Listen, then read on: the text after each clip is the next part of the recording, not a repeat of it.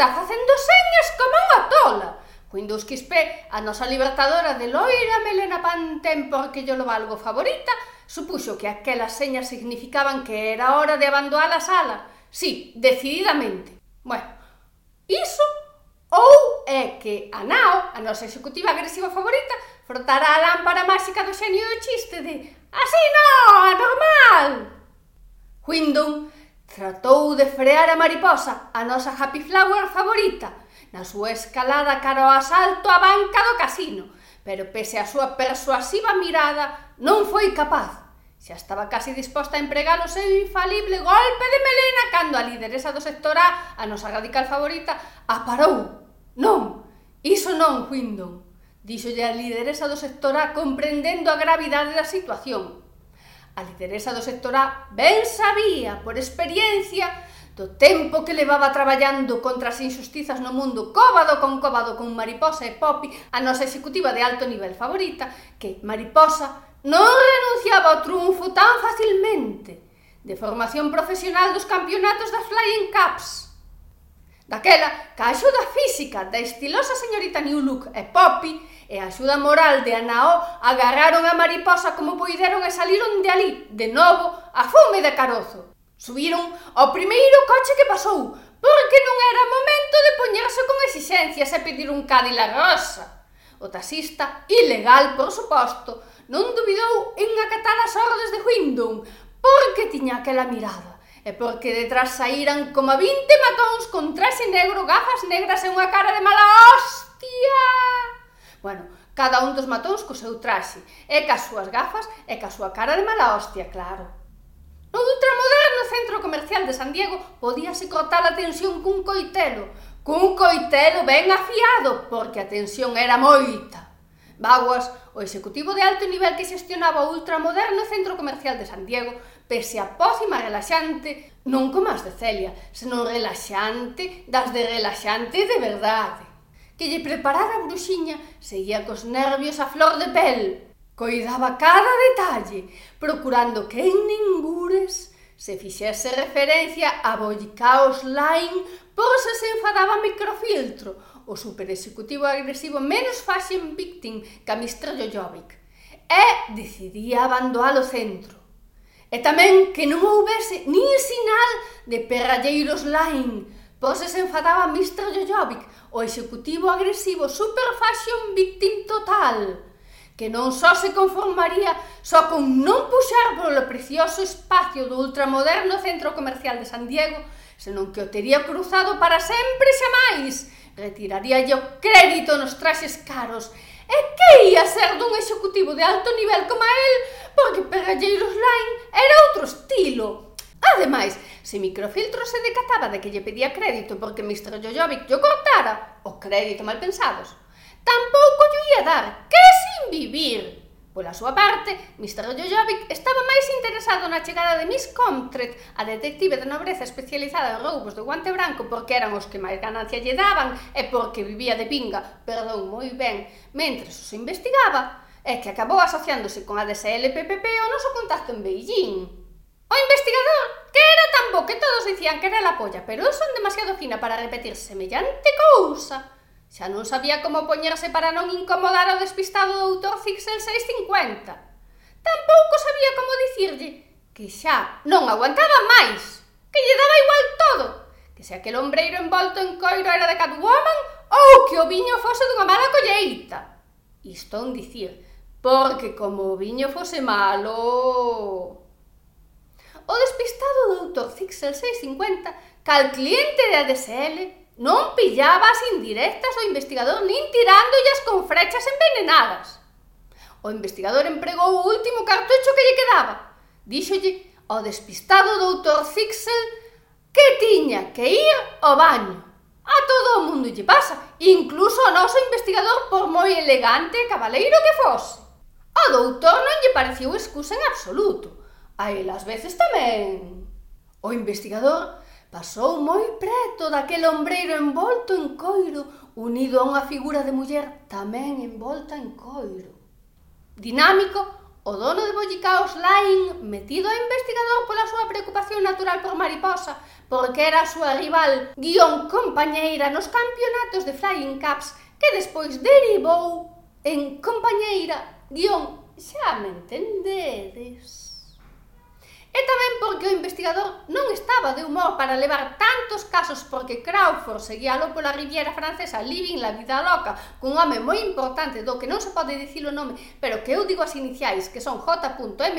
por puro amor ao cotilleo e porque, como total non me pagan a exclusiva, pois dou un gusto de dicilo e porque eu andaba medio desaparecida perseguindo o malvado doutor TCPIP E, tirándolle do rollo ao detective super segredo do CSI, é porque a ela peticíalle máis invocar a Catwoman que traballar, que para iso era o xefe en funcións, Pensou que o mellor era poñerse en contacto ca axencia que lle arrendara a limusín as nosas heroínas. Foi á oficina da axencia arrendadora e como ele estaba afeito a ser xefe, non se conformou con falar ca amable comercial que o atendía.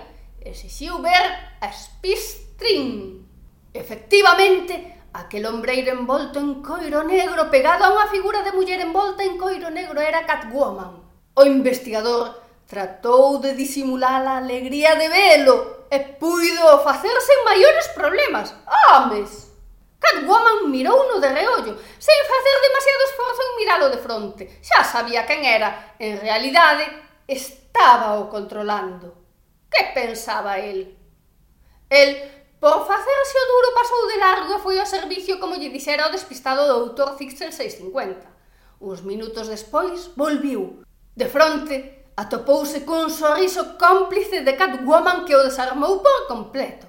E saúlle ese sorriso transparente, así como inocente. Non sabía separar a falar con ela ou seguir.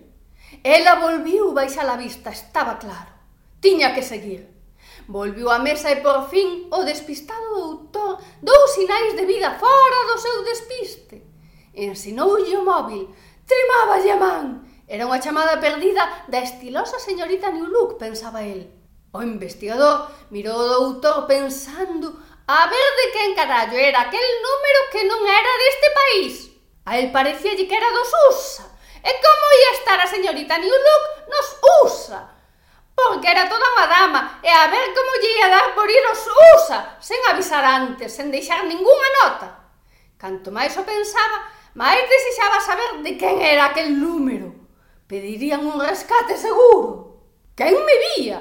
A Avenida Finisterre abaixo, non corría, voaba, non era unha vespa, non era un Clio Sport, non, non, non, ese Clio non, Era dominio fuxindo de Clio. Sí, sí, sí, ese Clio, o amigo de Timofónica, o dono do garito, antro aquel do conflicto, co grupo supostamente feminista radical que era amigo de Clio. Sí, sí, ese Clio. E do detective super segredo do CSI. A Clio pronto a despistei. Non só porque eu fose máis rápida, é que non todo é ir ao gimnasio, porque non é o mesmo correr o abaixo. É que eu estaba moi ágil. Pero o detective Oh, moi cabrón! Non había maneira de deixalo atrás. Seguíme a poucos metros de distancia. Salvoume que cando estaba a piques de collerme apareceu danado o camareiro do café superpijo que puxera no sitio do garito antro aquel que se abalanzou sobre o detective atrapando polas pernas e facendo caer o chan. Primeiro pillara a Clio, que lle dixo que pagaba eu, pero verse incapaz de alcanzarme, optou por baixar un man. E pediulle contas ao detective que o pobre, si o si, Non tiña arte nin parte na factura dos cafés, pero que se joda. Perdón, perdón, perdón, cofina que son. Non se pode dicir estas cousas. Que se amole un pouco. Bueno, moito. Mm. Non quedei mirando a ver se lle pagaba ou non, pero estou segura de que sí, porque o camareiro era algo así como a dúas veces o detective, incluindo o seu pelo de punta tipo comic manga. O investigador saiu do restaurante mirando o papel que lle dera o despistado doutor Zixel 650 con aquel misterioso número de teléfono americano que lle daba na alma que era para pedir un rescate. Non, dixolle Catwoman interpoñéndose no seu camiño con paso decidido e mirando fixamente. Iso sí, cun sorriso sincero.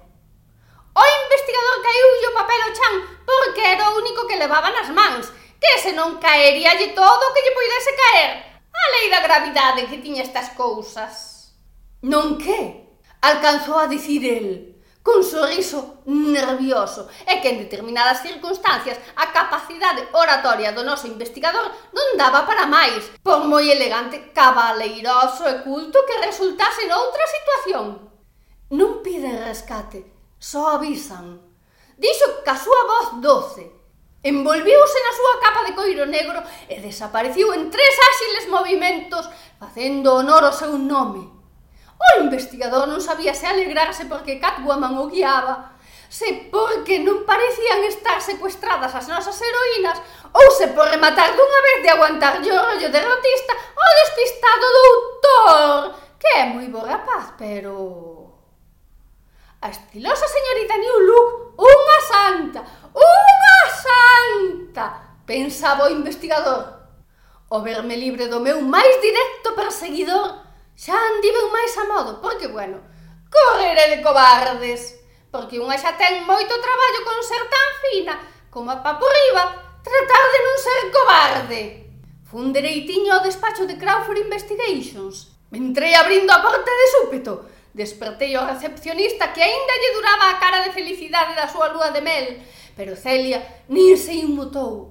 Andaba un pouco colgada, xa me entendedes. Metinme no meu despacho, que non era o meu, que era o de Crawford, que seguíalo pola Riviera Francesa libre en la vida loca cun home moi importante do que non se pode dicir o nome, pero que eu digo as iniciais que son J.M. porque me dá a real gana. Perdón, porque me apetece. É porque, total, non me pagan a exclusiva e polo menos dou o meu gusto de dicilo porque sí, por puro amor ao cotilleo.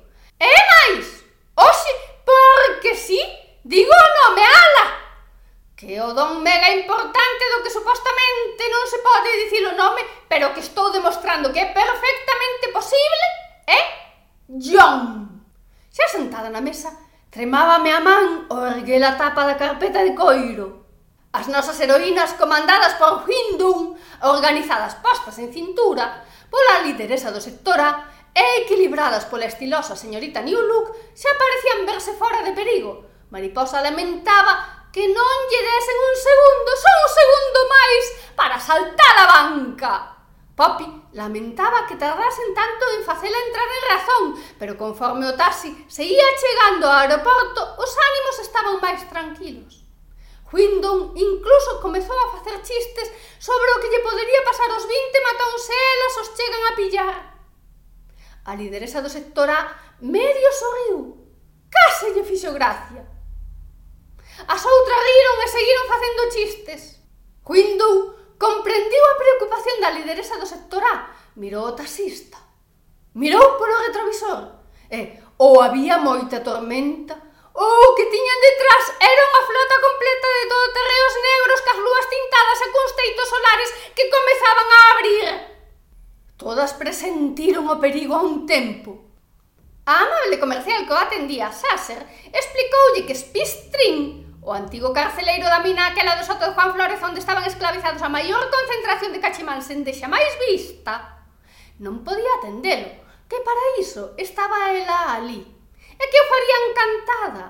Atendelo, malpensadas. Dinámico montou un Cristo. Perdón, chamou a atención de tal maneira que o mesmo Spistrin que estaba atendendo as súas labores de xefe da empresa de aluguer de limusins, entre outras, saiu do despacho todo alarmado, temendo pola vida da súa empregada. Dinámico, que como investigador andaba máis perdido que FR lendo isto, ao ver que xa conseguira chamar a atención do xefe, quedou pensando en que era exactamente o que fora buscar ali. Reflexionou e comezou a preguntarlle pola limusín que quen adugara, que a que hora a entregaran, que quen era o conductor, onde o podía localizar, que canta xente ía, que se ían homes. Isto non era unha pregunta profesional exactamente, que cando a tiñan que entregar, parece que xa lle ia collendo xeito. O papel daba voltas e máis voltas na mesa, O investigador estaba agardando a chamada de timofónica, que pese a que estaba moi ocupado cas súas clases de baile deportivo, fixe un alto polos vellos tempos para botarlle un cable ao investigador, que tamén solucionara o famoso conflicto. Celia, que cada día estaba máis colgada polas infusións relaxantes, non porque namorara, aínda que desque Rox, o greñudo de vida disipada, amigo de Pelusa, outro que tal baila, Se metera a Capitán Interestelar tía o seu aquel. Pasoulle a chamada. Era de Estados Unidos. Dixolle Timofónica dunha empresa de xogo. Timofónica coñecía ben de cando se adicaba ás estafas telefónicas. O investigador colgou, quedou preocupado, veu o meu despacho que non era meu, que era de Crawford. Eu Xa tiña aberta a carpeta de coiro, tiña os importantes documentos que desvelaban terribles misterios sobre o malvado doutor TCPIP nas miñas mans. Os todoterreos aproximábanse perigosamente e o teito solar cada vez estaba máis aberto. O taxista empatizara plenamente cas nosas heroínas, pero aquel vello peixó dos 50 co número de bastidor borrado non daba para máis. Do todo terreo que ían cabeza sae a primeira figura. As nosas heroínas estaban observando atentamente o transcurso dos acontecementos. As ángeles de charlitas, é dicir, a lideresa do sector A, Poppy e Mariposa, xa se estaban equipando para a loita. A estilosa señorita New Look estudiaba as súas posibles víctimas porque non era de noite, nin era unha das súas necesarias saídas, que o fai por necesidade non por vicio. Pero era a guerra. Window quedou algo máis que sorprendida cando viu que a figura que saía do todo de terreo era nin máis nin menos que o monstro das sete caras. Window case se sorprende, pero no fondo sabía que o final que vira do monstro das sete caras non podía ser o que ela vira. Fora demasiado fácil. Windows Quispe recoñeciuno por puro instinto, porque a verdade era que o aspecto do monstro das sete caras era diferente cando menos do que ela vira aló Cando o conflicto da mina de Juan Flores, cando liberara a maior cantidade de cachimáns en deixa máis vista. O monstro traía un traxe de mariñeiro como de primeira comunión cun gorro que deixaba ao descoberto parte da súa lustrosa cabeza. As nosas heroínas doulles a risa cando viron semellante personaxe e non entendían aquel atisbo de preocupación que lle percibiran a Window. Con dicirvos que nin medo lle tiñan xa, bueno, antes tampouco, os lanzamisís que tiñan os dous escoltas do monstro das sete caras. É como que case lles dou máis ganas de tirarlle os tejos aos macizos aqueles que de pelexar. Huindou, díxolles quen era. Elas miraban. Parecía que falaba en serio. Miraban o capitán intrépido e non podían ca risa. Mariposa estaba tirada no chan chorando que non podía máis Papi non estaba no chan, pero andaballe preto. O estado era parecido. A estilosa señorita New Look trataba de manter o nivel dada das circunstancias, pero case a sobrepasaba. A lideresa do sector A estaba rindo. Que sí, que sí! Que hai testemunhas ao respecto para que vos decatedes o alcance da situación. A nosa radical favorita, a lideresa do sector A, nada menos, a imperturbable, A da mirada asesina que desteta os nenos, sí. Esa estaba rindo. O investigador o ve a miña cara de sorprendida cando entrou no meu despacho, que non era o meu, que era de Crawford, que por fin nos chamara. Había uns minutos para dicir que o estaba pasando moi ben. En realidad dixo que non volvía nin de coña, que nunca o pasara tan ben, que iso era vivir e que non sabíamos o que perdíamos. Mirou detrás da porta por se tiña ali o amante agachado. Desgraciadamente para min non había tal amante. Viu a carpeta. Mireino confirmándolle que sí, que aquela era a famosa carpeta que contiña os misteriosos documentos que desvelaban terribles informacións sobre o malvado doutor TCPIP. El miroume preguntándome se xa os lera. Eu mireino dicíndolle que non. Cando por fin decidiu falar, preguntoume se sabía algo do tal casino que traía anotado. Desde onde o despistado doutor Fixel 650 recibira aquela misteriosa chamada. Nese momento, entra dinámico pola porta todo emocionado con un montón de respostas. Spistrin contáralle con todo o detalle que poido o percorrido da limusín aquela fatídica noite. O investigador quedara sorprendido da eficiencia de dinámico e incluso me dou por pensar que demasiado contento. Non sei por que miraba para a miña cadeira. Baguas tivo que poñerse firme para que Mr. Jojovic, o executivo agresivo super fashion victim total, e microfiltro, o super executivo agresivo menos fashion victim que a Mr. Jojovic, non se lle subisen a chepa, porque poñíanse a pedir a pouco menos que lles había que facer un centro para cada un.